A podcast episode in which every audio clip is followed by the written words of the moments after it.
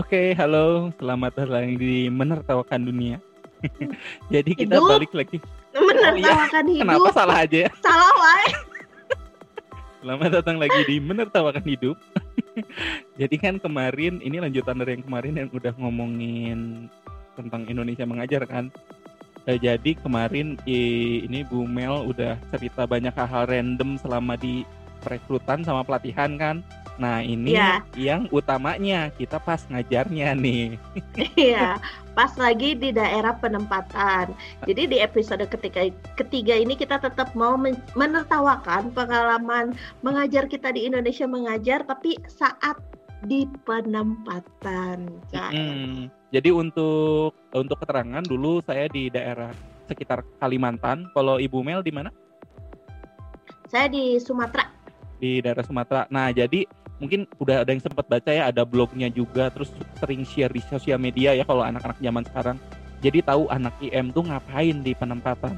Nah, sayangnya Hmm. sekarang ini kita nggak ngomongin yang terlalu serius-serius, tapi yang nyampah-nyampahnya. Jadi kita walaupun tetap ngerjain yang serius, kita ngerjain yang nyampahnya, proporsinya banyakan yang bukan. mana ya itu beda-beda, beda-beda pengajar lah. kalau kalau nyampah tuh justru nggak dikerjain Oh. tapi terjadi begitu saja Bener bener bener bener bener. kalau ya kalau yang dikerjain ya as always lah kita kayak setiap dari hari Senin sampai hari Jumat ngajar. Belum lagi kita bikin pelatihan yang kayak gitu mah itu kayak udah cerita biasa aja. Nah, eh, nah, Ya ini adalah cerita-cerita random yang biasanya bahkan eh, apa dari hari pertama biasanya udah ada hal random yang terjadi sama murid-murid sama sesama guru banyak banget. Nah kita bakal cerita di sini. Kalau Ibu Mel sendiri yang pertama keingetan waktu pengalaman di penempatan apaan? Gak ada air Oh nggak ada air di si di sekolahnya atau di rumahnya atau di mananya? jadi gini di rumah aku tuh gak ada air gitu jadi walaupun kita di Sumatera deket banget nih sama lintas Sumatera Mm-mm. cuman dia tuh eh, dulu masih dibilangnya tertinggal lah dibanding dengan desa-desa lainnya kan dia tuh eh, terletak di perbatasan Hmm, Jadi kalau misalnya lagi eh, musim kemarau, hmm. itu tuh nggak ada air, nggak ada air sama Oh. sekali. Nah, jadi kalau misalnya di sana itu eh, pas pertama kali saya datang, Hmm. itu tuh airnya nggak ada. Terus kayak, eh, jadi kan mereka airnya bukan pakai air pump atau pakai pakai air sumur kan.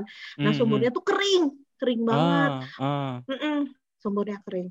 Eh, terus dibilangin, tapi eh, Kak, kalau misalnya lagi di sini, kalau lagi musim kemarau, airnya kering katanya gitu. Iya, terus nanti kalau mau mandi gimana? Kata aku kayak gitu. Hmm. Oh iya, kita mandi di tempat tetangga. Oke, kayak pas ngelihat pertama kali eh, kamar mandinya, itu nggak ada atap. Oh jadi mandinya kalau hujan enak ya berarti langsung. Bisa sambil sapa-sapa pemirsa kan mandinya. Jadi si tempat mandinya tuh kayak kayak dia tuh kayak kotak, Hmm, kayak hmm, kotak dari semen gitu, tapi dia tuh cuman kayak sebahu. Hmm, Kan hmm, kalau hmm. buat cewek-cewek itu kan kayak deg-degan ya, iya deg-degan. Tapi tapi setelah saya cek, setelah udah berapa lama saya di sana, setelah saya cek, ketika kita mandi tuh ada ada tandanya kayak kita nyantolin anduk gitu. Nah kalau kita Oh. nyantolin anduk tuh orang-orang udah pada nge, oh itu ada yang lagi mandi gitu. Cuman kan ini mohon, mohon maaf nih, kita mandinya di tempat tetangga ya. Jadi Hmm, pas pas pas lagi mandi kadang-kadang ada bapak-bapak terus kita kayak kepalanya kepalanya kelihatan terus jadi pas lagi mandi pak gitu. Jangan-jangan nih ya, ketika ada tanda si anduk itu bukannya orang-orang malah menjauh malah mendekat, wih ada yang mandi. ya jadi entah kenapa cuman di rumah tetangga itu aja yang air sumurnya ada jadi Hmm. setiap mandi itu tuh kita ke harus nyebrang dulu hutan Hmm. jadi bayangin ya kalau mau mandi kita harus nyebrang dulu hutan terus buat ke rumah tetangga terus Hmm. kayak permisi permisi numpang mandi gitu ya jadi Hmm. pokoknya kalau udah nyam udah di sana kita tuh kan Hmm. harus kayak yang istilahnya kayak mau malu nggak bisa kita karena harus bertahan hidup kan Hmm. ya mau nggak mau ya udahlah ya gitu pertama pertama sih enak masih ada PM 1 kan kita kan PM awal ya kan kita. PM 3 pengajar Hmm. muda angkatan 3 nah jadi waktu kita pertama datang itu enak masih ada angkatan yang pertama jadi kayak ditemenin ke mana-mana kan Hmm. Hmm. setan pertamanya pulang itulah semua kisah kesendirian ini. Tapi kayaknya Nah, masalah itu. masalah air ini kayaknya banyak banyak ini ya banyak dialami di banyak daerah ya. Soalnya Iya. mungkin ini ini jadi privilege buat kita yang tinggal relatif di kota kayak di Bandung kita kayak nggak ngerasain kayak gitu paling satu hari dua hari mati air aja kita udah memaki-maki pemerintah ya. Padahal di banyak daerah itu banyak yang susah banget. Soalnya kalau contohnya kalau di daerah saya itu kan di Kalimantan seperti yang tadi eh, airnya ada tapi kan air payau. Jadi sebetulnya Iya, tidak iya. bisa diminum. Jadi kebanyakan eh, kita itu ngambil dari sungai. Jadi kan kalau daerah Kalimantan memang ini ya, memang daerah sungai gede-gede gitu. Jadi memang eh, desa kita juga di pinggir sungai kayak gitu. Jadi semuanya nyedot dari si air yang hijau itu. Tapi saya lihat sih mereka sehat-sehat aja pakai pakai air-air itu. saya juga di situ Nah. baru baru merasa berguna. Itu tuh apa yang bubuk-bubuk yang bisa apa yang Apa, bisa eh, bisa menjernihkan air. Iya kan, tahu kan, tahu kan. Jadi disedot Favorit. atau eh, atau ngambil dari sungai itu kan coklat gitu kan biasanya. Jadi sebagian ada yang pakai bubuk-bubuk, sebagian ada yang enggak. Untungnya waktu itu di rumah Hmm. saya yang pakai bubuk-bubuk begitu sih. Jadi Mm. kita nggak tahu airnya kayak gimana, tapi ya minimal terlihat jernih gitu kan. Jadi nggak was-was gitu. Di- salah satu teman saya juga di daerah masih di daerah Sumatera, ya deket-deket daerah saya situ, tapi bukan satu ini ya, bukan satu kecamatan. Nah dia tuh kalau mandi dia tuh nyari kayak air rawa gitu, jadi mandinya di air rawa. Terus dia kalau mandi suka digangguin sama kancil. Kenapa dia ternyata menarik untuk eh, dunia hewan-hewanan dia ternyata Jadi Sex appeal-nya jadi- tinggi untuk hewan. jadi ma- masalah air ini tuh cukup cukup ini ya, apalagi kan kita biasa mandi, ya maksudnya misalnya kita mandi gitu kan, yang ma- maksimal dua hari eh dua kali sehari. Nah di sana itu tuh saya pernah lima hari tuh nggak mandi. Karena nggak ada air atau karena males aja itu. Enggak, karena kadang-kadang kalau misalnya karena apa ya? Ya kalau misalnya sumur yang di tetangga sebelah eh, airnya kering, ini sempat kejadian nih Pak Pardi. Mhm. Kalau misalnya di eh, sumur tetangga lagi kering, itu tuh kita harus jalan lagi ke Hmm. rumah tetangga yang lain. Jadi ada, tapi di sana tuh banyak bujang-bujang gitu. Eh, sedap. Bujang-bujang Bujang itu Dan- pemuda dan- maksudnya. pemuda-pemuda setempat gitu. Nah, eh, apa? Sementara kamar mandinya tuh semuanya kan di luar dan nggak ada atapnya. Hmm, Jadi hmm, eh, ya kita juga kalau misalnya sebagai pengajar muda kan harus bisa jaga diri ya. hmm, Kita hmm. juga harus eh, apa namanya eh, waspada gitu. Saya kalau dengar kata waspada pengen ketawa. Kenapa ada ini? Udah gitu, jadi kadang-kadang eh, terus udah gitu, jadi pernah tuh saya lima hari nggak mandi. Nah kalau misalnya udah ini banget, saya kadang-kadang main ke kampung sebelah, ke desa sebelah. Nah, Hmm, di desa sebelah itu eh, eh kampung ya, disebutnya kampung bukan desa karena masih satu desa gitu. Eh, nah, saya tuh main ke kampung sebelah, ada di situ ada rumah ibu guru. Eh, Hmm. tapi kita harus kayak naik mo- naik motor 30 menit lah naik motor. hmm, Naik hmm. motor gitu 30 menit terus saya nanti numpang, numpang mandi di rumah isi ibu guru ini. Nah, Hmm, eh, dulu tuh rumah si ibu guru ini tuh rumah yang ditempatin sama pengajar muda sebelum saya. Jadi Hmm, biasa kayak sosok sowan-sowan tapi padahal ikut mandi kayak gitu ikut loh. nyuci biasanya ya, Ikut, ikut mandi. iya bener. ikut mandi, ikut nyuci soalnya karena ya mau gimana lagi tapi tapi di sana juga ya itu tuh saya tuh kalau waktu saya ke penempatan itu tuh saya Hmm. cuma buat baju tujuh Oh, satu hari satu ya. Iya satu hari satu hitungannya sama baju tidur tiga apa empat. Jadi selama setahun tuh baju saya itu terus kalau dicuci itu nggak pernah disetrika karena numpang kan. Jadi cuman modal kering doang. Sama dan se- seperti biasa saya hanya percaya dengan kekuatan det- deterjen yang 10 tangan itu. Malas ngucap. Jadi- jadi cuman modal direndam doang modal direndam doang dikucek-kucek dikit terus dijemur gitu. Karena ya gitulah cara bertahan hidup. Nah dulu awal-awalnya saya tuh kayak eh, apa takut kan mandi pakai air sumur jadi awal-awal Hmm, tuh hmm. diajarin pakai detol pakai detol buat si airnya gitu Hmm, dikasih hmm. detol tapi Lama-lama lama-lama ah ya udahlah ya ya udahlah ya, orang sini aja ya sehat-sehat kok. ya ya udahlah ya gitu. Terus terus di situ tuh saya eh, saya sering nggak mandi. Da- tapi tahu nggak sih ini kabar saya nggak mandi tuh sampai ke mana-mana. Sampai ke kampung mana-mana kata Bu Melati nggak pernah mandi katanya gitu. Sampai ke kampung sebelah itu digosipin. Bukan digosipin dah itu mah fakta. Ya, terus terus kan ibu katanya nggak pernah mandi ya katanya gitu. Terus saya, saya bilangin aja iya gitu Ini jadi contoh Dulu- tidak baik bagi murid ini. Enggak, soalnya di sana emang susah air. Kalau misalnya lagi banyak air, kayak waktu lagi hujan itu pasti mandi terus. Tapi kalau misalnya harus ke rumah tetangga, ini itu kan kita juga harus ngajar gitu ya. Belum Hmm, lagi nanti eh, di satu kamar di satu sumur itu banyak orang ngantri gitu kan. Jadi saya kadang-kadang milihnya mandinya mandi sore atau enggak ya itu tadi numpang mandi di ka- di kampung sebelah dan kan kalau mau ke kampung sebelah nggak bisa setiap hari. Nah, atau enggak, itu saya naik motor ke lintas Sumatera sekitar eh, setengah jaman ya, tapi setengah jam lintas Sumatera tuh nggak macet, berarti tetap jauh ya. Hmm, Itu hmm. nanti ada pom bensin di lintas Sumatera. Nah, di situ WC-nya lumayan bersih, banyak air, saya mandi di situ. Padahal biasanya kalau kita lagi ini ya di tempat kita gitu, antar aja ya, pipisnya jangan di be- bensin pom bensin ah takut kotor. Di sana itu Iya. alternatif bersihnya ya. Wah, itu paling bersih. Megah banget itu pom bensin. Udah kayak ini, udah kayak resort pom bensin itu.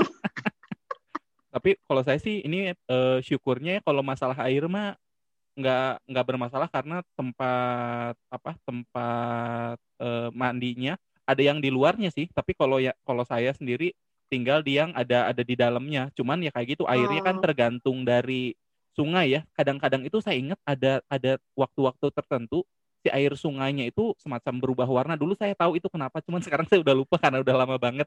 Jadi paling bedanya adalah kalau saya tahu kalau misalnya si airnya ini lagi bersih banget atau lagi ya agak-agak berubah kayak gitu. Cuman ya nggak apa-apa lah, cuman kayak gitu doang. Hmm. Kita nampak sehat-sehat aja, nampaknya ya, tapi nggak tahu. Nah, Pak, ini ada tantangan selanjutnya nih. Jadi si kamar mandi tak beratap itu ya, Heeh. eh, si kamar mandi tak beratap itu tuh nggak ada WC-nya. Nah, terus OWC-nya gimana dong? WC-nya terpisah jauh di belakang. Jadi oh, eh, W- WC saya tuh di tengah hutan gitu, Pak. Di hmm, tengah di tengah perkebunan gitu. Nah, di ke, di tengah-tengah kebun rambutan. Kalau lagi hmm, hmm. eh, musim rambutan. Nah, dia tuh jauh banget. Jadi jarak antara WC ke antara WC ke kamar mandinya tuh sekitar ada sekitar 5 meter atau 6 Hmm, meter hmm. lah. Pokoknya jauh lah, jauh karena ditaruhnya di ujung sama tidak beratap juga gitu. Hmm. Nah, untungnya si bapak eh, yang punya rumah induk semang saya itu tuh begitu tahu mau rumahnya ditempatin sama pengajar muda, Hmm. dia tuh kayak bikin bikin WC jongkok. Ah, Jadi si si bilik lagi-lagi ngomongin bilik. dari kemarin Jadi- kayaknya passionate banget mengenai bilik beginian. Jadi si bapak tuh bikin bilik di tengah-tengah si Heeh. pohon si hutan pohon pin pohon karet, Hmm, tapi ada pohon rambutannya juga. hmm. Nah, dia bikin bilik. Nah, dulu tuh eh, WC WC duduknya tuh belum ada WC yang pakai keramik gitu. Jadi WC-nya masih kayak tanah gitu loh. Hmm, hmm, hmm. Eh, jadi harus harus tepat sasaran. Tepat sasaran. Supaya tidak Nah, melenceng ya. Tapi iya, tapi pas mau dengar ada kedatangan si bapak tempat saya nginep tuh dia bikin WC di situ. Jadi ada WC jongkoknya. Nah tapi nggak ada Hmm. air di sana. Jadi kalau misalnya mau WC nih kebayang lah misalnya aduh kebelet gitu ya. Kan biasanya Hmm, kita langsung lari ke kamar mandi gitu ya. Ah, nah ini aduh kebelet. Itu banyak banget eh, rentetan kegiatannya. Nyari ember. Ah, udah dapat ember. Kita Ambil harus air. nimba air dulu ah. di air yang ditimbaan di, dituang ke ember terus Mm-mm, lari ke WC mm-mm, terus kan jadi kayak terus karena kita udah kebelet banget terus Hmm. airnya tumpah-tumpah mm-mm. jadi pas nyampe di WC airnya cuma tinggal tiga per 4 udah deh langsung laksanakan. Nah enaknya nih pas lagi ini Pak Pak Perdi enaknya tuh kalau misalnya eh, eh, ke WC itu pas lagi musim-musim rambutan. Hmm, jadi karena kita eh, bilik-bilik WC-nya itu ada di tengah-tengah hutan eh, karet dan pohon rambutan, jadi Hmm. kadang-kadang ada ada ini buah-buah rambutan tuh masuk ke dalam biliknya. Jadi sambil Hmm. jongkok bisa sambil makan rambutan nih petik-petik. ini too much information sumpah. ini kayaknya kita udahan yang ngebisarain biliknya ya. Kayaknya udah kebanyakan. Ada yang lucu lagi satu Pak Pardi. Iya boleh boleh kenapa deh? Boleh deh Jadi satu ada lagi kisah WC. suatu malam masih masih di WC nih masih di WC masih di Oke. bilik ya. Suatu malam saya udah udah kebelet nih, Hmm, tapi pertama kan saya takut-takut gitu ya kalau ke tengah hutan sendirian cuman Hmm, buat hmm, eh, eh, pupuk gitu ya. hmm, Tapi hmm, lama-lama kan ya namanya juga udah jadi eh, orang daerah ke situ kan hmm, udah hmm, udah adaptasi. hmm, hmm, Saya berani. Udah eh, terus ritualnya nyari ember, hmm, nimba, lari, hmm, masuk, tutup hmm, pintu. hmm, Nah, tiba-tiba saya ngeliat kayak ada yang ngeliatin saya hmm, di di dalam bilik itu. Ada kodok gede banget. hmm. Kodok Naruto. Noong. Ada kodok gede. Ada. Jadi selama selama ritual saya lihat-lihatan sama kodok takut to- to- kodoknya terbang. saya lihat-lihatan ya sama kodok. Udah bisa berteman dengan alam berarti ya di sana.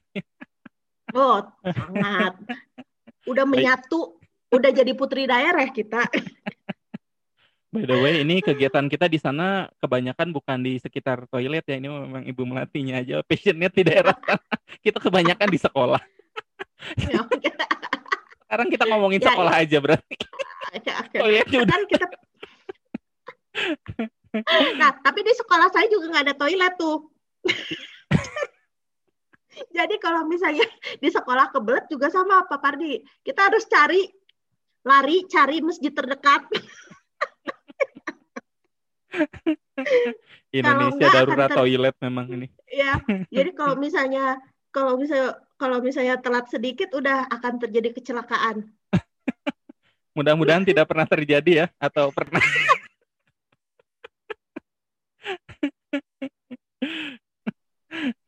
Jadi jadi gimana Pak Pardi? Eh, ada pengalaman lucu nggak di sekolah? Ganti Ya. topik kita. Ya kalau kejadian ini sih kejadian kejadian random ya banyaknya. Misalnya nih kita kan diajarin ini ya diajar. Jadi salah satu materi yang paling seru waktu pelatihan itu creative teaching. Jadi kita harus ngajar dengan cara-cara kreatif gitu. Terus ya sama, saya juga sok-sokan kreatif gitu kan. Sok-sokan kreatif. Terus saya, saya waktu itu ngajarnya sains sama matematika.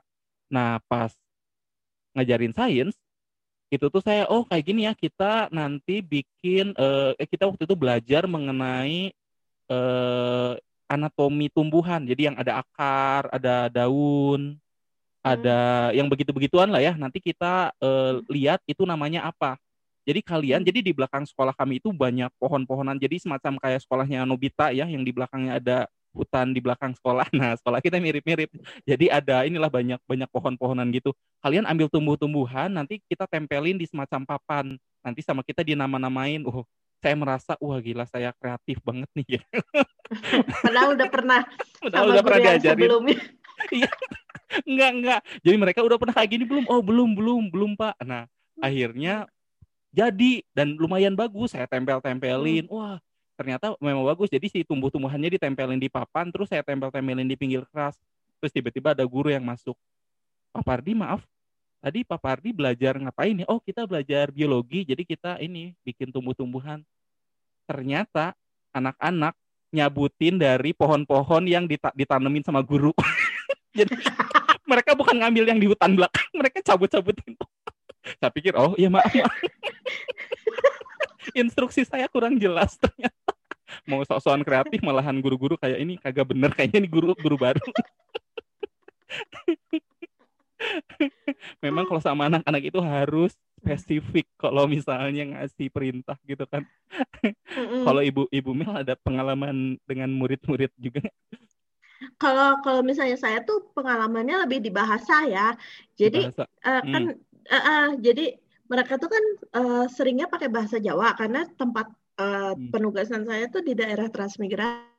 Jadi ada empat budaya di situ. Ada ada Sunda, Hmm, ada hmm. Bali, ada Jawa, ada satu lagi eh, ini Sumatera.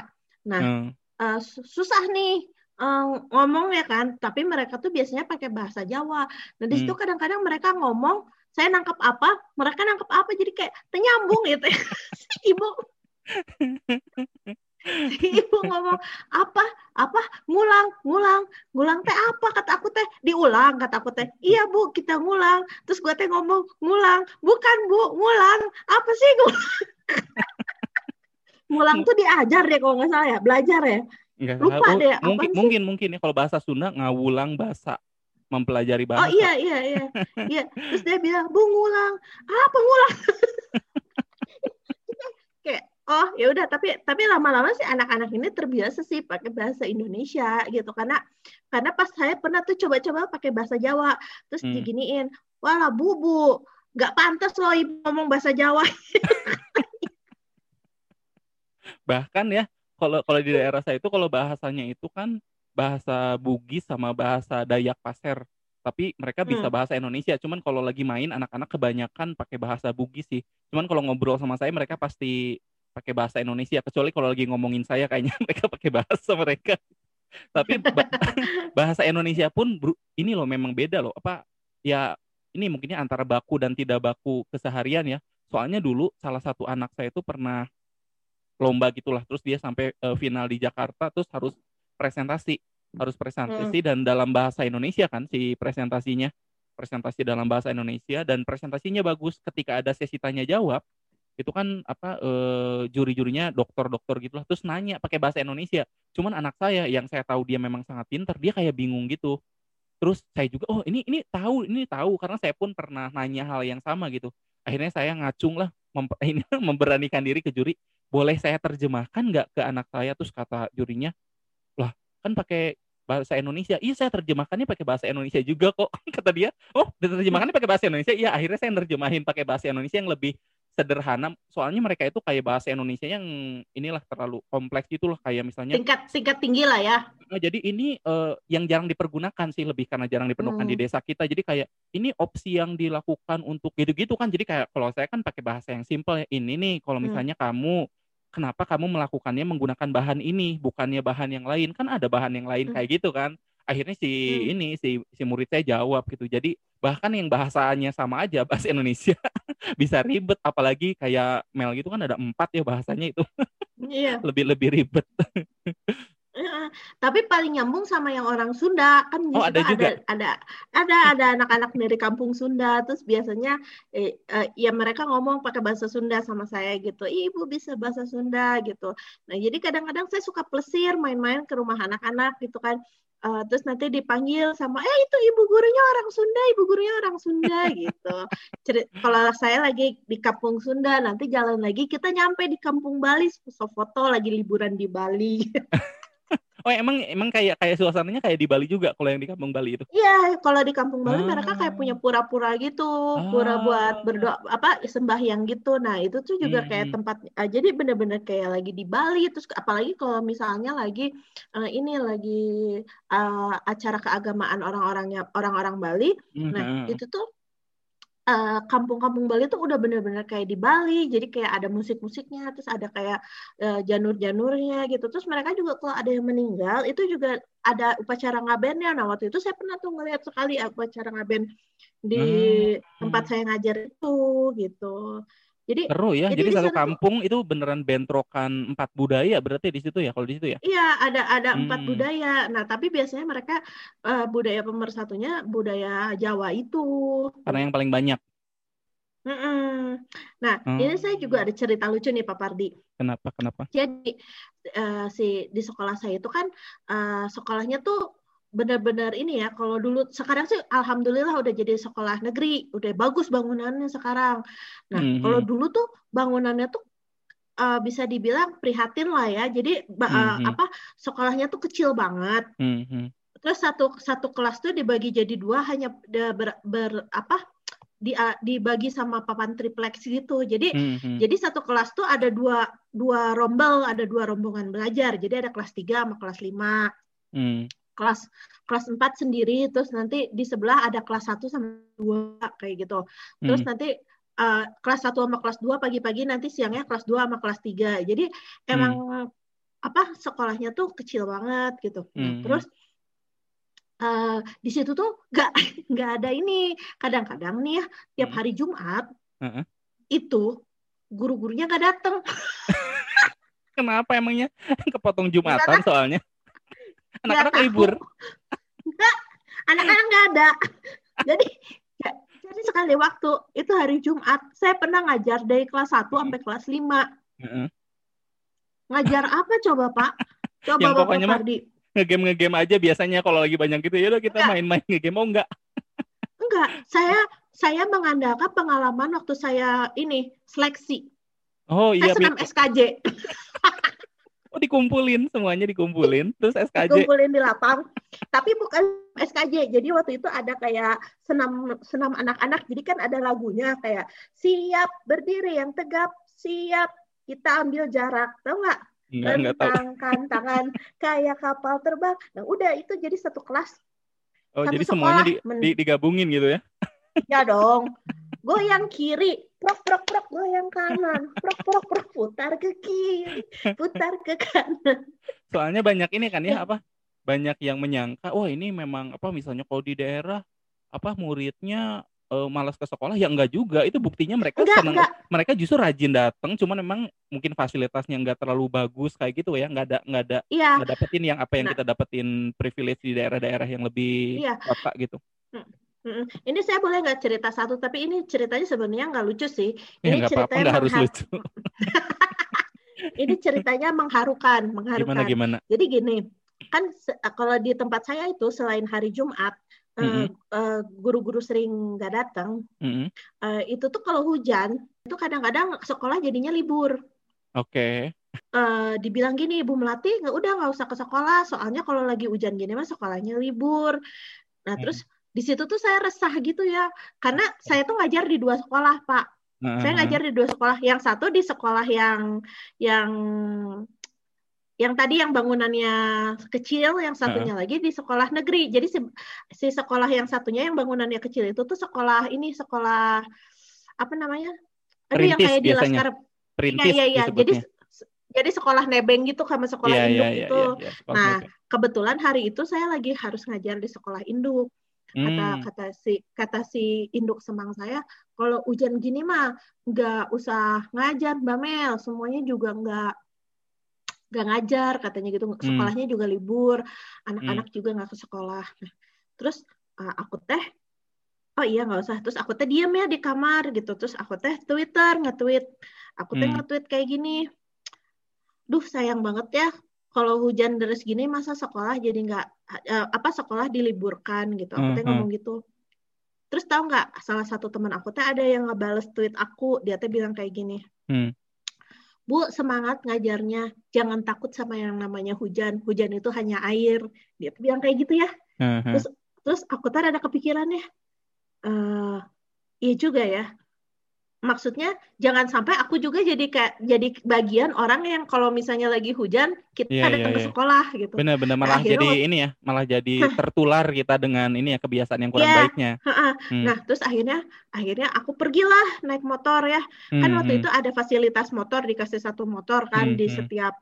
Eh, di desaku tuh kebetulan dapat fasilitas motor karena paling dekat sama lintas jadi kalau ada apa-apa biasanya aku sama teman aku di desa yang satunya tuh kita yang cabut ke ke kota gitu Hmm, Nah, hmm. terus uh, aku tuh naik motor ke ke SD yang satunya gitu ya.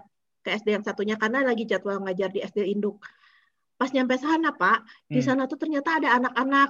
Jadi ada anak-anak yang rumahnya tuh lumayan jauh tapi mereka kadung pergi ke sekolah. Oh, I see, I see. Iya, terus terus di situ tuh saya ngeliat, eh ternyata ada ininya ya, ternyata ada yang datang. Nah, terus Mhm. saya teh mau masuk ke ruang guru, ruang gurunya digembok. Hmm, hmm, hmm. Ya udah, akhirnya saya masuk ke ruangan kelas, ruangan kelasnya juga digembok.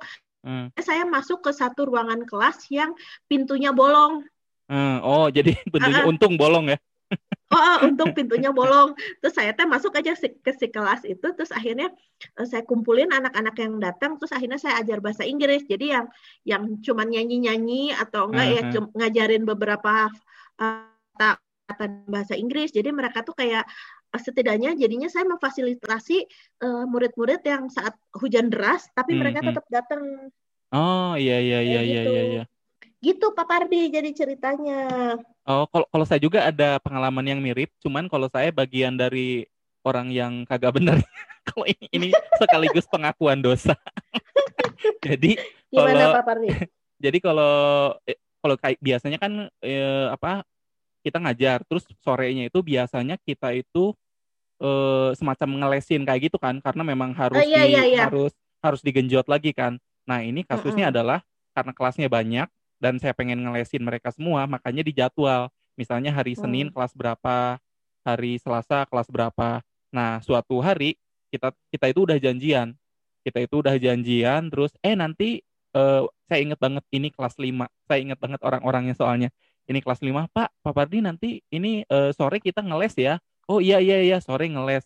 Akhirnya ya udah kayak gitu. Terus ketika sudah pulang sekolah saya pulang.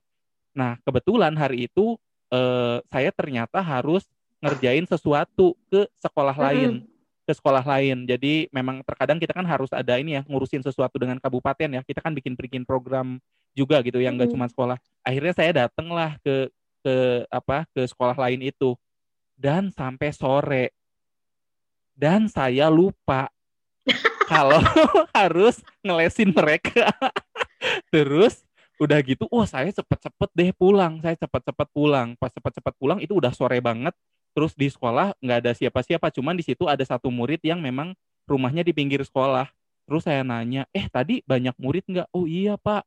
Tadi banyak murid sekali nunggu-nunggu bapak. Oh saya ngerasa ngerasa bersalah banget. Wah gila ini memang salah saya ya. Udah gitu yang yang bikin salah adalah jadi sekolah saya itu tuh jadi dari dua desa biasanya datangnya ke satu sekolah saya soalnya yang desa sebelah itu. Hmm. jadi de- dua desa ini dibelah oleh sungai yang sangat besar sekali jadi mereka Waduh, itu waduh, kalau mau sekolah itu beneran harus pakai perahu beneran harus pakai Hmm. perahu dari dari desanya mereka ke desanya saya jadi untuk les pun Hmm. sama mereka harus jadi harus lumayan lumayan inilah lumayan penuh penuh usaha gitu kan nah akhirnya oh berarti saya salah besoknya saya datengin kelas 5 Bapak minta maaf ya kemarin nggak datang. Oh iya Pak nggak apa-apa kita ngerti. Saya jelasin alasannya kemarin ada ini tapi ya no excuse ya. Pokoknya Bapak minta Hmm. maaf. Oh iya iya Pak. Nanti kalau begitu ini ya kalau begitu nanti Bapak ganti aja nanti eh, sore ya. Oh boleh boleh Pak. Pas akhirnya oke kayak gitu. Pas akhirnya saya sore datang ternyata saya dibalas nggak ada yang datang. saya dibalas sama murid-murid saya. Di situ saya oh my god ternyata ngebales. Pas besok pas besoknya saya datang lagi eh, saya ngajar saya besoknya ngajar di kelas lain tapi Hmm. anak-anak kelas 5 kayak nunggu gitu di luar terus pas udah ngajar mereka pada masuk pak maaf ya kemarin kita nggak balas oh nggak apa-apa kata bapak memang wajar dibalas kayak gitu maafin bapak ya sekarang udah dimaafin iya pak sekarang udah dimaafin Aduh, maaf-maafan. iya saya pikir oh ya." my god oh my god malah saya ini yang ini tapi di situ saya beneran ngerti oh kalau anak-anak beneran megang banget kata-kata kita kan kalau misalnya besok main bola beneran ditagih pak main bola Iya, Pak, iya, main iya. bola Iya, Oh emang God. kayak gitu. Terus saya pernah lagi nih Pak, eh, pengalaman Hmm. ngajar saya tuh eh, mereka tuh nggak punya ekstrakurikuler. Nah, Hmm, hmm, hmm. Sementara mereka itu kan suka pada pakai baju pramuka, tapi mereka tuh juga nggak pernah nggak pernah pramukaan gitu. Hmm, hmm, hmm. Nah terus eh, saya tuh kadang-kadang kasihan sama mereka, mereka tuh nggak punya kegiatan gitu di sekolah. Nah akhirnya akhirnya setiap hari Sabtu saya tuh ngide bikin pramuka, Hmm. tapi saya tuh nggak pernah nggak pernah jadi anggota pramuka. jadi soto ya Oh enggak enggak sotoy. oh nggak sotoy lihat di Iya. buku panduan ya soalnya ya lihat di buku panduan Tapi soalnya kan di buku panduan itu sebenarnya udah jelas dong. harus ngapain aja ya? Ya kan? Hmm, harus hmm. ngapain aja. Kita cuma tinggal ngikutin aja. Soalnya toh nggak ada yang mau bergerak untuk mengajarkan pramuka di sana Hmm, gitu. hmm, jadi, hmm. jadi harus siapa lagi? Ya udah saya saya ngajarin aja. Itu saya juga ikut apa saya tuh ngajarin mereka ilmu-ilmu yang waktu itu saya pelajarin waktu lagi eh, di Kopassus sama di Rindam Jaya gitu. Kayak misalnya Oh. bikin bivak terus bikin bikin bikin apa terus kayak sosok mencari jejak kan waktu itu kita juga Hmm. mencari jejak tapi pakai Iya, iya, kompas kan iya iya Nah ini iya, tuh iya. saya bikin petanya dulu, saya bikin petanya dulu, terus nanti anak-anak cari harta karun. Nah harta Hmm. karunnya biasanya tuh saya kayak beli kayak beli kue-kue gitulah, beli kue-kue terus disembunyiin di semak-semak, terus nanti mereka ketemu terus makan gitu pak. Tapi sama sih kalau itu agak mirip sih. Saya juga ini sih bukan anak pramuka banget, tapi ya kayak gitu, sok-sok ide ngajakin udah kita kita aktifin aja yuk pramukanya kayak gitu sama. Untungnya kalau di sekolah saya ada satu guru yang memang dia eh, pramuka banget sih.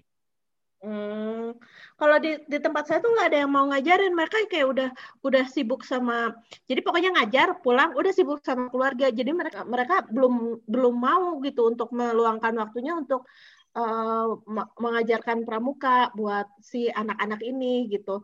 Nah terus uh, saya tuh pernah ngikutin mereka ini ngikutin apa namanya ngikutin lomba lomba ikutan ini jadi ada acara pramuka gitu. Nah, tadinya sekolah saya tuh nggak boleh nggak mau diikutin sama si sekolah induk. Terus saya bilang kok nggak boleh ikut kan mereka juga tetap siswa dari sekolah ini. Kenapa nggak boleh ikut? Saya tuh bilang kayak gitu. Nah, terus akhirnya dibolehin tuh ikut uh, dua dua dua regu, regu cewek sama regu cowok. Terus kita nggak punya ini, nggak punya tenda. Kita pakai bivak. Kita bikin bivak. Keren banget nggak? Kita bikin bivak dari terpal oh iya itu sama banget itu sama banget beneran dan kalau di saya nih ya kan? jadi jadi uh, apa kalau ini kayaknya kita sempat kalau ini sebelum ikutan lomba saya sempat ikutan sok-sokan bikin tenda gitu di di sekolah terus saya nanya kalian ada yang punya terpal nggak terus ada satu murid pak saya punya terpal yang besar pak oh ya boleh boleh dipinjam ya ke ke orang tuanya boleh boleh pak akhirnya dipinjam lah dan ketika udah malam-malam tiba-tiba banyak yang keluar tiba-tiba kenapa Pak gatal, Pak gatal. Setelah saya cari, ternyata itu terpalnya buat ngejemur padi. Jadi ya iya gatal. Sama dia dijadiin tenda. Ya salah saya juga sih nggak saya. saya pikir, oh my god, ini berbahaya. Ternyata main main hajar-hajar aja. Tapi yang saya juga nah. pernah pernah ikut lomba yang mirip. Tapi ini salah satu yang ini sih yang kece. Jadi karena apa karena saya yang involve pun saya nggak terlalu tahu mengenai pramuka ya jadi kayak kode-kode yang kode pakai bendera gitu saya nggak beneran nggak terlalu jago cuman ngandelin si buku tapi hmm. di lomba itu di lomba gugus itu sekolah saya itu bisa juara tiga kenapa karena ketika lomba-lomba yang berbau fisik itu sekolah saya menang karena fisiknya kuat-kuat sama lomba masak. Jadi ada ada ada juga lomba masak. Terus pas saya lihat kenapa kalian masaknya bagus? Terus kata mereka oh kami rata-rata di rumah kami yang masak kok pak katanya. Oh pantesan kata saya ini masaknya lebih jago dari saya gitu kenapa? Dan juga kayak lomba-lomba lari estafet yang pakai fisik itu mereka yang perkasa sih memang. Kalau kalau misalnya kalau sekolah saya itu pas di lomba-lomba uh, mereka tuh nggak bisa apa-apa karena ya, ya kan kita kita kan pramuka-pramuka newbie, bukan bukan gimana-gimana. Terus kayak baru banget dibentuk kan. Terus uh, apa? Ibu, ibu, itu di situ ada yang lomba ini. Lomba apaan? Kata kata saya. Itu ada lomba lomba balap bakyak kata gue. Nah, kalau kayak gitu sama, ikutan ikutan. Asalnya mereka jago. ikutan ikutan. Jadi jadi dicarinya jadi kan kita bisa milih lomba-lomba apa aja yang diikutin gitu. Mereka tuh saya latih buat pede. Jadi pokoknya uh, pokoknya apa pun yang terjadi maju aja dulu mental itu yang saya ajarkan pokoknya kalau misalnya ada pertanyaan maju aja dulu nah, terus waktu itu uh, pas ada lomba puisi mereka bilang ibu lomba puisi. Ya udah daftar aja dulu. Puisinya apa? Gampang kita bikin. Nah saat itu saya bikin tuh. Jadi pasti murid saya daftar saya bikin puisinya. Mm-hmm. terus uh, terus muridnya balik lagi bu udah daftar. Ya udah ini puisinya. Siapa yang bikin? Ibu yang bikin. Eh menang. Lumayan. Tapi ini kalau misalnya over PD gitu kalau terlalu di bus bisa berbahaya juga. Soalnya kalau saya oh, itu enggak. ini suka ini suka ngajakin mereka uh, main bola terus kata saya udah kalian harus harus berani ya walaupun misalnya mereka lebih tinggi kayak gimana ya mereka soalnya rada lumayan tapi ujung-ujungnya tiap kali lomba jadi saya biasanya ngajakin lomba beberapa sekolah pengajar muda yang lain dan selalu berantem. terlalu percaya diri yang di blues di bus kan. Nah, itu masalah. Itu berarti Bapak yang salah. Ini kan ada kemampuannya Bapak. Harus cerdik dong, cerdik dong. Eh, tapi ada ada saya ingat masalah puisi, tapi ini bukan angkatan saya, jadi angkatan di atas saya. Jadi waktu saya baru pulang, terus eh, eh apa pengajar muda yang ngegantiin saya nge-SMS gitu si ada satu anak si ini saya ajakin lomba puisi katanya. Soalnya ada lomba puisi terus dia bingung ngarah siapa. Ya udah aja dia main ajak aja satu anak gitu ya. Saya pikir oh si anak itu memang pinter sih cuman dia agak pemalu. Pinter pinter ya kalau ulangannya bagus berani ngejawab. Cuman kalau yang tampil-tampil memang malu. Terus saya pikir itu beneran kamu serius mau dia nggak nyari yang lebih banci tampil aja gitu ya yang seneng tampil? Katanya enggak deh nggak apa-apa saya suka soalnya sama ininya apa uh, sama anaknya. Oh boleh boleh terus akhirnya saya tanya lagi kan gimana tadi e, puisinya bagus nggak? Terus kata si teman saya itu e, tadi dia pas maju langsung pingsan kak. Kayaknya salah salah milih anak. Terus kalau dia mah soalnya si anak itu saya tahu kalau lomba ngegambar dia seneng sering juara. Tapi kalau lomba puisi enggak. Salah apa salah salah seni itu. Salah bentuk seni. iya salah bentuk bentuk seni beneran Iya, jadi jadi waktu itu kayak waktu soalnya saya cuma mau ngasih pengalaman sih ke anak-anak ini karena Hmm. sayang mereka tuh kebanyakan kan yang ikut kelas 5. Nah, Mhm. mereka sebentar lagi kelas 6. Nah, biasanya kalau kelas 6 tuh mereka nggak boleh lagi ikut kayak ekstrakurikuler gitu. Nah, Hmm. sem- se- jadi selama ini mereka nggak pernah ikut pramuka atau segala macam. Jadi kayak Hmm. ngasih kesempatan aja dan ternyata mereka senang banget. Jadi itu tuh sampai sekarang itu ada satu anak, eh, ada satu anak ga- dia tuh aktif banget di pramuka dan itu tuh Oh. berasal dari sekolah rintisan saya dan waktu terakhir dia tuh udah Keren, keren. SMA Hmm. Dia tuh sampai ikut uh, acara pramuka di Jakarta.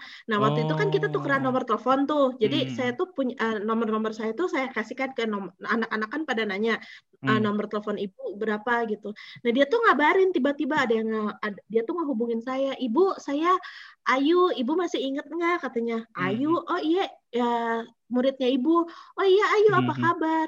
Ibu Ayu ada di Jakarta, katanya "I- eh, Ayu lagi ikutan ini lomba pramuka." Jadi di situ tuh saya, Wah. ternyata ada hasilnya Pak, Pardi. Gini-gini juga. Biar kata waktu lagi pendaftaran saya telat.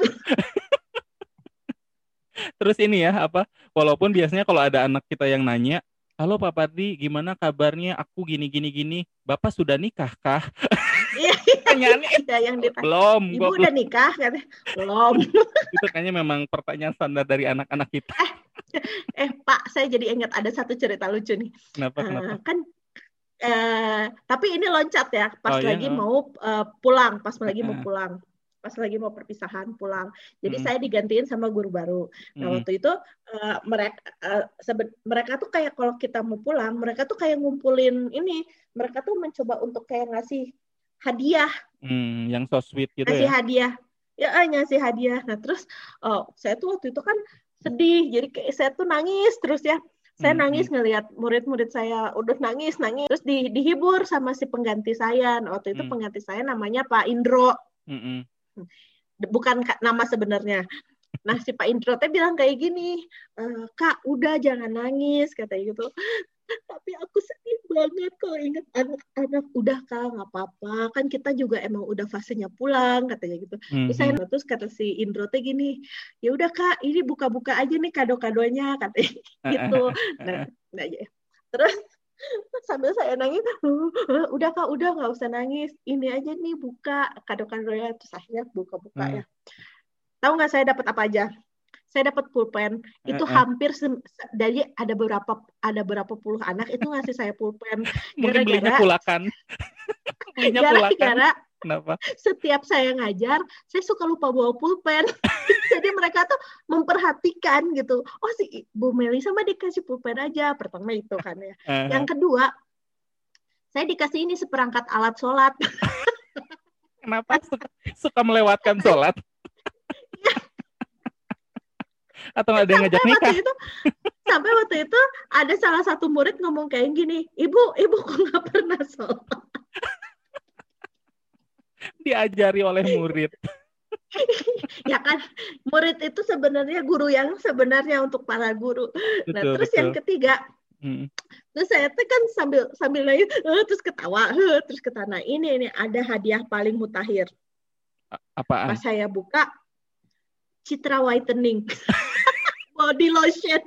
Maksudnya apa ada nih? suratnya, ada suratnya. Dia bilang kayak gini, ibu, ibu tolong pakai ya Citra Whiteningnya sampai habis, biar kulit ibu jadi putih, biar ibu pulang dari sini, ibu bisa cepet nikah. itu itu perhatian sweet agak insulting tapi langsung dari nangis aku ketawa sampai ngakak katanya iya dia perhatiin banget kulit gue udah ireng banget jadi emang ya selama setahun ngajar kan mainnya tuh di bawah matahari main Hmm. saya tuh apa suka main layangan sama anak-anak cowok gitu kan sama Hmm. anak-anak cewek main-main yang lain gitu nah emang emang saya tuh jadi keling banget yang putih kayaknya cuma gigi sama bola mata Berarti minimal kita memang menikmati saat-saat di penempatan, nggak diem aja, tapi Iya. kita beneran beneran full main sama ini kan sama anak-anak, Ah, full ah, main jadi sama iya, warga. iya. Main apa ngajar nih jadi di Oh iya, sana? kita kan cerita mainnya, ngajarnya Nah, mah iya. di blog Lah, aja. kalau misalnya tadi Pak Pak Pardi cerita, kalau Pak Pardi suka ngelesin anak-anak di sekolah, Mm. kalau saya tuh ngelesin anak-anaknya di rumah. Jadi setiap malam tuh Hmm, mereka suka Eh, di rumah. Jadi pakai ini penerangnya pakai genset. Hmm. iya sama pakai genset. sama. Ada minyaknya. Iya jadi nggak pakai listrik bensin. jadi pakai bensin. Jadi setiap jam 6 tuh kayak ada helikopter. Nah itu berarti uh, apa lagi lagi nyala, lagi nyala si gensetnya. Tapi sebenarnya gensetnya bukan dari rumah induk semang saya. Jadi induk Ah, semang saya tuh kayak nyambungin kabel gitu ke rumahnya orang Bali. Jadi biasanya yang punya genset tuh orang-orang Bali. Nah, hmm. biasanya anak-anak tuh eh, ini eh, nginep nginep di rumah ada kadang-kadang Oh, nginep di rumah tapi ada juga nih yang pulang gitu ya hmm, hmm, nah sekali waktu eh, pada pulang kan pada hmm, pulang hmm, terus jadi kalau misalnya tidur kan ya udah tidur bareng sama ibu gurunya gitu ya yang hmm, hmm. cewek-cewek yang cowok-cowok di di ruang tamu tidurnya Ah, nah terus eh, biasanya kan kita tidur-tidur bareng gitu kan sama Hmm, hmm. anak-anak murid gitu. Nah, terus tapi kalau misalnya ada yang pulang, ini pernah ada kejadian nih, ada yang Hmm. minta pulang. Nah, terus oh ya udah nanti eh, terus orang tuanya tapi nggak jemput nih, mohon maaf, orang tuanya nggak jemput, lupa sengaja ditaruh di rumah ibu gurunya. Jadi ya udah sini ibu guru aja yang antar kata aku teh gitu ya. hmm, Terus ng- ngambil center aku teh. Nah, kalau mau nganter ke rumah murid berarti harus lewat hutan, harus hmm, nyebrang ke hmm, hutan gitu. hmm, hmm, Nyebrang hutan biar dap- eh, buat datang ke perkampungannya si anak itu gitu. hmm, Ibu nggak naik, motor katanya gitu. Enggak lah, kita naik jalan kaki aja kata kata hmm. aku teh gitu. Jalan kaki teh lewat hutannya. Salalala. Terus nganterin ke rumahnya. Oh iya maaf ya ibu lupa saya ngejemput katanya. Oh iya ibu nggak apa-apa gitu. Ya ya udah ibu ya udah bu saya pulang dulu kata saya. Taunya pas balik-balik saya lupa. Baliknya kan sendiri ya. Ada teman takut. Jadi dianterin sama orang tuanya enggak? Enggak Jadi dibalikin berasa enggak? sendiri.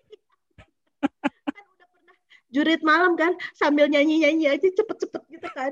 Nah udah ya. Gara-gara gara-gara itu Pak pulang-pulang ke Jakarta hmm. saya kutuan dong banyak banget Apa hubungannya sama kutuan? Apa hubungannya? Oh, gara-gara nginep bareng. nginep bareng. Saya tuh Iya, nggak iya. tahu ternyata si kutu-kutu itu tuh bisa bisa nular walaupun apa kalau kita tidur tidur sama bareng-bareng gitu main sama murid Iya, gitu iya, kita iya. iya. pun entah tidur bareng atau enggak main sama murid itu tuh kutu bisa terbang ke kepala kita Bener, jadinya bener. kutuan Justru kan kalau misalnya kalau inget waktu kecil pasti suka ada misalnya, eh kamu misalnya sama orang tua kita, kamu jangan main sama si Tono, soalnya kutuan itu hanya si supaya Tono nggak nular. Iya, emang suka kayak gitu suka ada kan kalau di SD, kamu jangan main sama dia soalnya dia kutuan. itu tuh Iya. gara-gara mudah menular kalau anak-anak. sampai lupa sampai lupa sampai benar-benar lupa ya sampai kayak ya Allah gara-gara itu. Jadi saya tuh kutunya tuh cukup banyak waktu itu dan saya tuh nyadarnya ini nyadarnya Gatel, tuh kayak gatel. pas gatel banget gatel banget gitu ya. Aduh gatel banget. Terus kayak terus saya ngomongnya gini aduh kayaknya eh, gue nggak cocok deh. Kan waktu itu lagi kerja di Jakarta. Hmm. aduh kayaknya gue nggak cocok deh sama air Jakarta katanya gitu. Kenapa? Ya ini gatel-gatel banget gitu. Kayaknya alergi saya Padahal kutu. alergi air Padahal kutu. alergi ya nah se- sekali waktu pas bangun tidur gatel banget di kepala garuk-garuk kan Hmm. tiba-tiba ada yang jatuh dan itu tuh setelah tiga bulan saya pulang ke Jakarta baru nyadar kalau saya kutu Wah, ini sih soalnya kalau orang-orang ya beberapa temen gitu ketika pulang ke Jakarta itu tuh beneran ke salon atau ngapa ini mah enggak ya tetap aja rock and roll ya. enggak tetap kayak orang ini bahkan pas bahkan saya tuh nggak nyadar tiga bulan berarti orang-orang di kantor juga kemungkinan udah ada yang ketepaan Menularkan udah wabah. ketularan mengeluarkan wabah kutu Oh iya ngomong-ngomong tentang warga, saya ingat satu pengalaman yang itu tuh kita mau kan salah satu yang diajari adalah kita harus sensitif dengan budaya ini ya, budaya lokal setempat ya, harus ngehargain Hmm, budaya lokal setempat.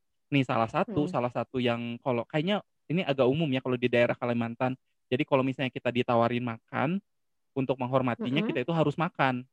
Kita tuh harus Mm. makan. Kayak gitu untuk menghormati si tamu nggak bisa ah ogah kayak gitu. Nih secara umum ya kalau di desa saya kayak gitu. Terus waktu itu saya inget banget itu tuh eh, lagi Idul Adha. Idul Adha atau Idul Fitri ya pokoknya lagi hari raya aja gitu. Lagi hari raya terus muter eh, terus eh, saya muter-muter lah dengan beberapa guru dan juga kepala desa. Ini dia nanya e, Pak Pardi mau ikut muter-muter desa enggak saya pikir oh iya ya udah deh sekalian kenalan sama ini sekalian kenalan sama eh apa orang tua orang tua yang belum pernah ketemu gitu kan. Akhirnya saya muter-muter dan tiap kali masuk rumah ditawarin makan. Terus saya mikir wah saya harus menghargai ini. Ya udah saya makan makan gitu.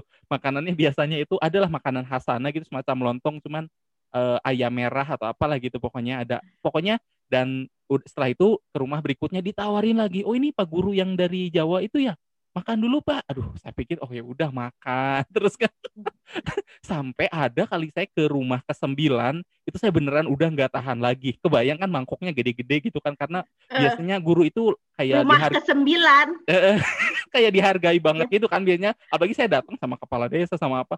Terus saya saya saya datengin lah. Terus saya bilang sama kepala desanya pak aduh ini saya bukan yang nggak ngehargain pak. Saya udah nggak kuat banget ini pak. Udah penuh banget.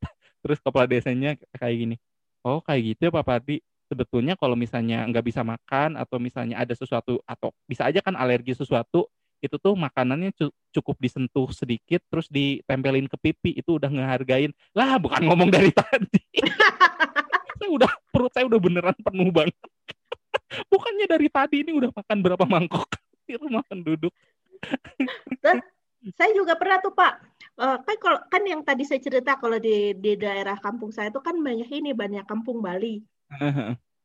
Nah mereka biasanya bawa-bawa sajen gitu kan bawa-bawa sesajen apa suka pasang sesajen kayak buah-buahan, kue-kue, apa segala macam rupa gitu.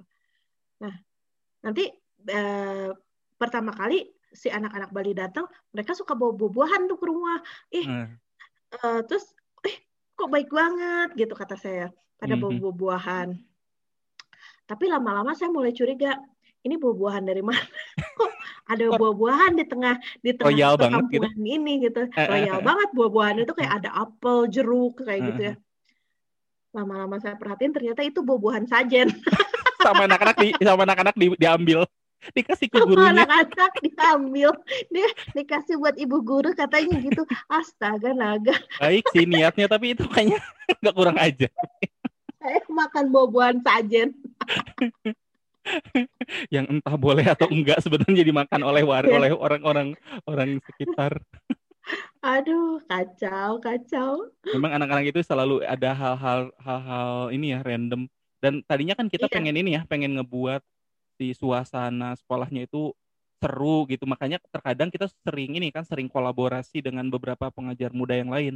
Yang saya ingat Hmm. itu ada ini eh, saya itu mau eh, tukar-tukaran surat karena waktu itu lagi ngetren ya waktu itu karena agak agak internet nggak apa susah juga. Jadi murid-murid saya ngirim surat ke murid-murid si PM Oh ini iya iya iya ya. Heeh, terus Iya, PM iya, ini iya. nanti ngirim-ngirim balik terus Ya, ya, saya eh, juga ya. saya saya juga ikut, saya juga ikut oh murid-murid iya saya juga soalnya ikut. banyak banget nah saya itu tukar-tukarannya sama salah satu teman PM di eh, daerah Sumatera juga di daerah Sumatera cuman Sumatera daerah atas Sumatera daerah Oh, atas kirain bukan sama saya. bukan bukan tapi jadi anak-anak ketika diumumin nanti kalian bakal punya teman baru di Sumatera wah mereka udah kayak antusias banget kalian cerita ya mengenai desa kita wah gila gimana kalian jago renang? Karena kan mereka jago renang di sungai gimana jago apa gitu. Oh boleh boleh pak.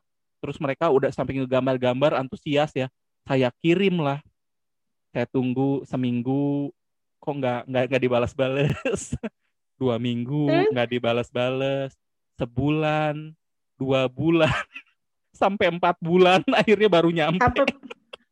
Anak-anak udah nggak antusias lagi pas datang saya kan tanya itu Kak, kamu kenapa baru balas? Ini ini, ini sam- sampai kaminya juga ini lama banget katanya nyasar atau apalah pokoknya sih suratnya. Jadi pas balik ini mereka udah kayak lupa ini yang mana ya pak? Ini yang teman-teman kita di apa di Sumatera. Oh iya iya tapi udah nggak antusias. Kata saya aduh ini mau bikin seru jadi jadi gagal gini.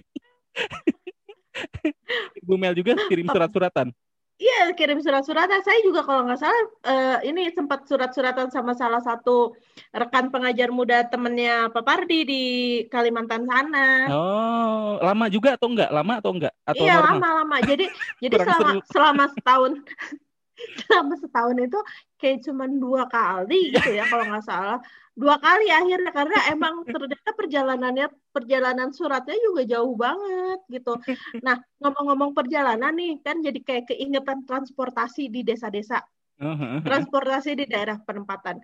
Nah, uh-huh. kan kalau misalnya saya kan tadi udah cerita nih Pak Pardi, kalau uh-huh. saya tuh dapat fasilitas motor. Yeah, yeah. Motornya tuh uh, motornya tuh mereknya TVS si kuda jingkrak. Oh iya iya TVS sekarang udah nggak ada ya kayaknya. yang dari India. ya, kamu juga dapat ya kalau nggak salah ya? Uh, di Enggak. Kalimantan dapat dua tapi bukan di sekolah saya. Di sekolah oh, iya. lain yang ya sama sih yang akses akses ke kota gedenya dekat uh, juga. Uh, uh, paling dekat sama kota. Uh, uh, Nah terus udah gitu Uh, jadi kalau misalnya saya tuh ke mana-mana kan mobilisasinya pakai SIM motor itu. Nah tapi uh, jalan yang bagus di daerah penempatan saya itu ya itu cuma cuma di lintas Sumatera. Hmm, hmm, hmm. Sisanya sisanya itu jalan bebatuan, jalan hmm, bebatuan hmm, hmm. sama hmm. si tanah lempung. Hmm, hmm, hmm.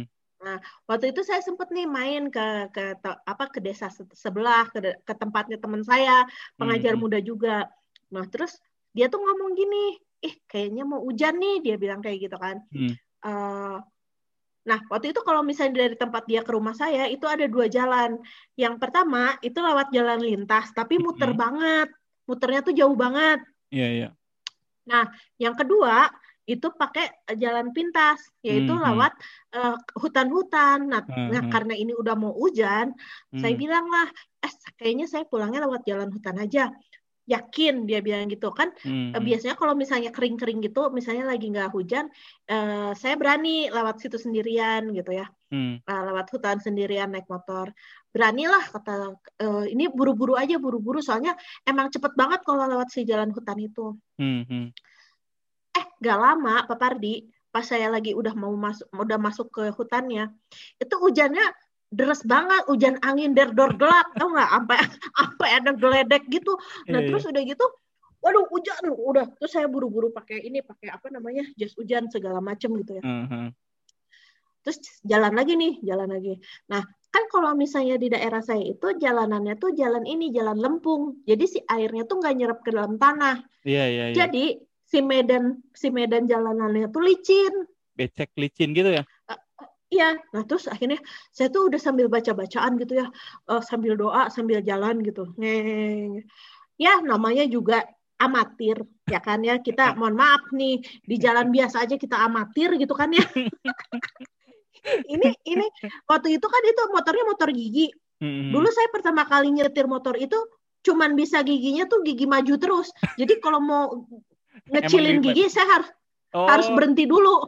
Jadi saya nggak tahu ternyata kalau mau ngecilin gigi dimundurin. Misalnya kan satu, dua, yeah, tiga, yeah, empat. Yeah, yeah. Nah kalau mau turun lagi ketiga, tinggal Mundurin. injek tumitnya kan. Nah yeah, itu yeah. saya nggak tahu. Ini gimana sih harus ada training berarti di IM tuh? Training naik nah, motor. si amatir ini jalan hmm. nih, ngeng ngeng ngeng ngeng. Terus akhirnya uh, ini akhirnya kena licin, hujan, Mm-hmm. Ah, udahlah pokoknya nggak jelas. Jatuhlah saya, jatuh motornya terbang, sayanya terbang, sepatunya saya terbang, helm saya terbang. Sampai luka-luka nggak? Saya tuh jatuh, terus saya tuh kan terbang, terus saya tuh terjerembab ya. Motor saya terbang, sepatu saya terbang, helm saya terbang, terus muka saya tuh nempel ke tanah ya, bluk gitu. Terus ada kali sekitar lima menit saya nangis nangis, nangis sendirian di tengah hutannya uh, mama mama. Gitu. tapi nggak ada yang nolongin. Soalnya kan di tengah hutan. Jadi ada ada waktu lima menit saya terjerembab di dalam lumpur nangis sendirian nggak ada yang nolongin. Sampai akhirnya saya sendirian nolongin diri saya sendiri ya. Jadi akhirnya tuh saya nyadar kayak gini uh, melati mau kamu nangis sampai sejam juga nggak akan ada yang nolongin kita di tengah hutan ini. Akhirnya. Akhirnya akhirnya saya bangun ya sambil nangis. Uh, uh, uh, terus saya nyari sepatu dulu sepatunya di mana? Udah udah udah dapat udah dapat sepatunya saya cari helm saya. Saya cari helm saya dipakai. Terus dibangunin lagi nih motornya. Terus jalan lagi jalan lagi. Ngeng nggak nyampe semenit saya udah melak ini kejadian yang sama terulang. Jatuh lagi. Jatuh lagi. Kalau sekarang diingatnya lucu ya. Dulu mah kalau waktu itu kayaknya. Bener, ngapain bener. gue ngapain gue di sini ya Allah. Terus sempet ya gue uh, saking depresinya itu tuh pernah setiap pagi kan kayak ngaca ya. Ngaca sambil nyetel lagu. Lagunya tuh lagu ini teh aku bisa aku pasti bisa.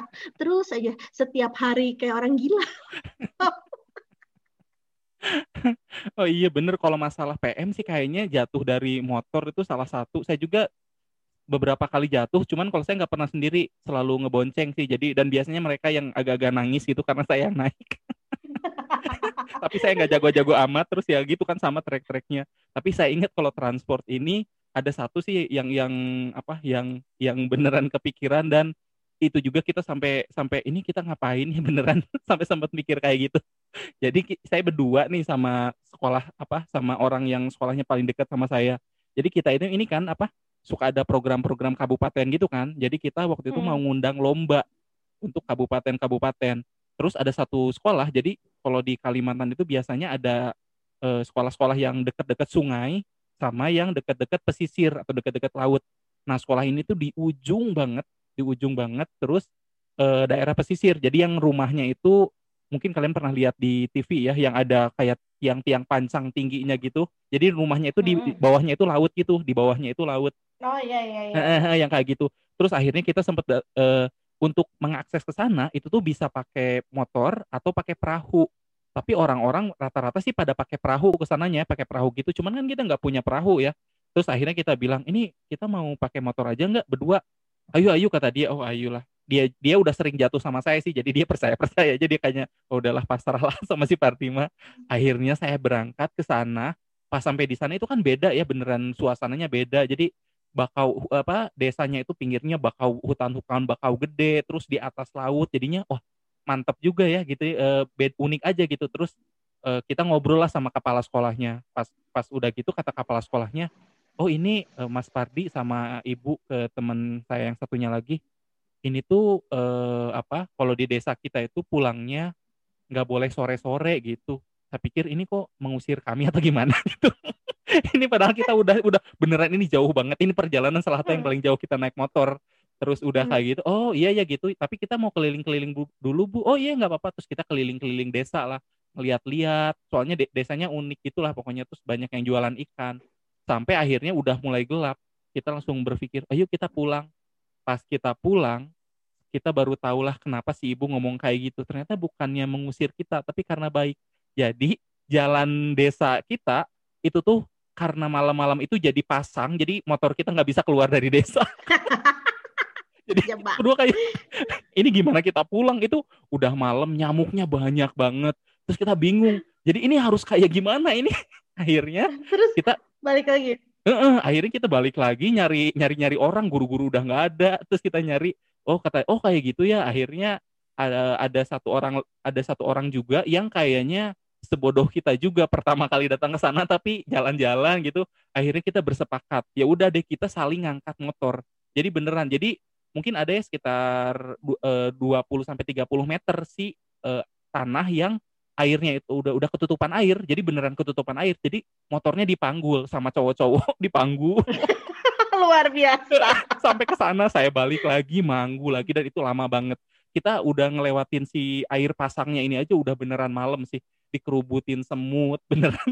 Makanya pas pas kita dalam perjalanan pulang saya ngomong nanti nanti kalau ada warga sekitar ngomong apa kita turutin aja ya jangan sok-sokan sok-sokan tahu. Jangan merasa tersindir diusir. Iya. justru itu mau menyelamatkan nih bapak mohon maaf. Bener bener Eh tapi kalau misalnya malam-malam tuh di daerah tuh emang banyak kejadian-kejadian lucu sih apa ya di luar ini di luar dugaan gitu. Jadi saya tuh pernah. Pak tidur. Jadi hmm. kalau misalnya uh, rumah saya tinggal itu nggak ada atap nggak ada atap ada ada gentengnya tapi nggak hmm. ada langit-langitnya. Oh, paham iya, nggak? iya. Jadi langsung genteng gitu. Iya, iya, Nah, sekali waktu sekali waktu saya kan lagi tidur. Nah, itu tuh sering banget kalau misalnya lagi tidur saya tuh pakai sleeping bag. Mau lagi kemarau, mau lagi musim dingin, saya tuh pakai sleeping bag. Ada kasurnya Soalnya- padahal. Ada kasurnya padahal. Ada ada kasurnya, ada kasurnya. Karena suka banyak tikus lewat di atas tuh. Jadi kadang-kadang UU, UU tikusnya tuh jatuh. Kali akhirnya lagi-lagi ke UU lagi nih. Bu Mel mah ke situ aja. Jadi kadang-kadang si UU, UU tikusnya tuh suka jatuh-jatuh ke kasur. Kan ya kan nggak sehat dong. Jadi Hmm. kayak mendingan saya tidur kepanasan pakai sleeping bag daripada itu tikus-tikus eh, UU-nya jatuh ke saya gitu. Nah, terus dulu juga pernah ada cerita salah satu pengajar muda tuh cewek Mm-mm. ram- ad- di rambutnya tuh beranak tikus. Oh my god. Ada anak tikus? Tikusnya beranak di rambutnya. Kok bisa? Sumpah. Itu lebih itu lebih jarang mandi lagi dari Bu Meli berarti. Jadi de- rambutnya tuh di- disangka ini sarang tikus kali. Nah, terus akhirnya saya tuh suka tidur pakai sleeping bag. Hmm. Pertama-pertama tuh saya takut karena si si uh, selain takut tikus, ya takut juga ya kan gelap banget ya karena nggak ada nggak ada ini kan nggak ada nggak ada nggak ada listrik. Nah, Hmm. terus jadi yang tadi cerita listriknya tuh baru nyala jam 6 kan terus mati jam 10. Nanti Hmm. setelah itu ya gelap gulita aja hidup Iya. kita gitu kayak masa depan. Kayak kayak Nah, kisah asmara ya. Ya kayak kisah asmara parem seperti mati lampu ya sayang seperti mati lampu. nah terus ada gitu eh, apa namanya si tiba-tiba saya tuh kayak ngerasa ya Heeh. di atas saya itu kayak ada yang ngeliatin pak Tikus. kayak ada yang enggak Oh, bukan bukan. tikus lah mana masa kita bisa lihat-lihatan sama tikus bapak nih gimana sih jadi kan Terus terus. saya tidur biasanya kalau pakai sleeping bag yang saya sisain tuh cuman hidung sama mata biar Hmm, bisa hmm, nafas hmm, hmm. Nah, terus kayak saya tuh kayak ngerasa ada yang ngeliatin Eh, di di langit-langit tuh kayak ada yang ngeliatin saya ke bawah gitu. Kan Hmm, saya tuh hmm, udah hmm. takut banget ya. Saya tuh udah takut kayak takut-takut kalau itu ada tiba-tiba ada eh kintilinik kan takut banget ya. Iya iya. Soalnya iya, kayak ada kayak ada yang lagi ngeliatin. Terus akhirnya saya kayak berdoa, terus saya buka Mhm. mata. Taunya apa coba? ayam. Yang Bukan. punya ini induk semang. Ih, ngeri banget. Enggak lah, Apaan apaan? burung hantu. Kenapa ada burung hantu Saya di dalam dilihat. rumah? Saya diliatin burung hantu. Dia di ini berarti digentangi si burung hantunya. Iya, ngeliatin ke bawah gitu. Ngeri nggak sih? Terus kan kalau burung hantu kan matanya bunder gitu kan ya. Nah, dia tuh nge- ngeliatin saya gitu. Itu tuh ngeri. Jadi kadang-kadang ya, mending burung hantu kan nggak nyerang. Nah, ini tuh suka ada kelelawar, tahu nggak sih? Kalau ingat, makanya saya, saya selalu tidur tuh selalu merasa aman dengan menggunakan si sleeping bag itu karena eh, apa ya? Ya melindungi aja dari hal-hal yang kasat mata. yang kelelawar sih kadang-kadang dia nabrak soalnya. Nabrak ini, Ke rumah nabrak juga. dinding terus jatuh, Masuk, masuk ke dalam. juga. Oh. masuk ke dalam, terus dia terbang nabrak dinding. Nah, kadang-kadang jatuh ke kasur di sebelah saya kan. eh, Berarti jalur udaranya memang ini ya, memang apa? mungkin Jalur udara mungkin yang itu- yang rame berarti ya di daerah situ. Iya. Ya, mungkin itu jalur ini, jalur eh, lalu lintas eh, hewan Udara. malam, nokturnal. Benar-benar itu mungkin dulu sebelum dibangun rumah jalurnya. Aduh. ya. Tapi tapi emang sih kalau misalnya kita ingat-ingat nih, Mm. jadi kalau misalnya kita ingat-ingat nih, emang banyak banget sih pengalaman lucu. Kalau diceritain juga nggak akan nggak akan Habis-habis. abi- ada habisnya deh ya. Eh, Jadi ini mungkin hanya kayak secerita, dua cerita yang bisa ke- kita ceritain nih Pak Pardi untuk Mm-mm. uh, di episode 3 uh, tentang menertawakan pengalaman mengajar uh, di Indonesia mengajar. Mm-mm. Kayak gitu, Pak. Nah, ada satu episode lagi nih yang kayaknya kita harus ceritain. Ini karena kita serangkaian kan. Kemarin udah ada pendaftaran, terus udah ada pelatihan. Sekarang juga kita cerita tentang kisah di penempatan. Nah, yang terakhir itu ada uh, ini pisah sambut. Cah, Ah, iya. pisah sambut dan OPP. Tahu nggak OPP apaan? Tahu tadi baru googling tadi orientasi pasca penugasan kita udah lupa Ya. OPK apa ya eh. Nah, itu tuh juga seru tuh ceritanya. Nah, mungkin karena ini udah terlalu panjang episode tiganya, kita lanjut aja di episode 4 ya Pak Pardi ya. oke siap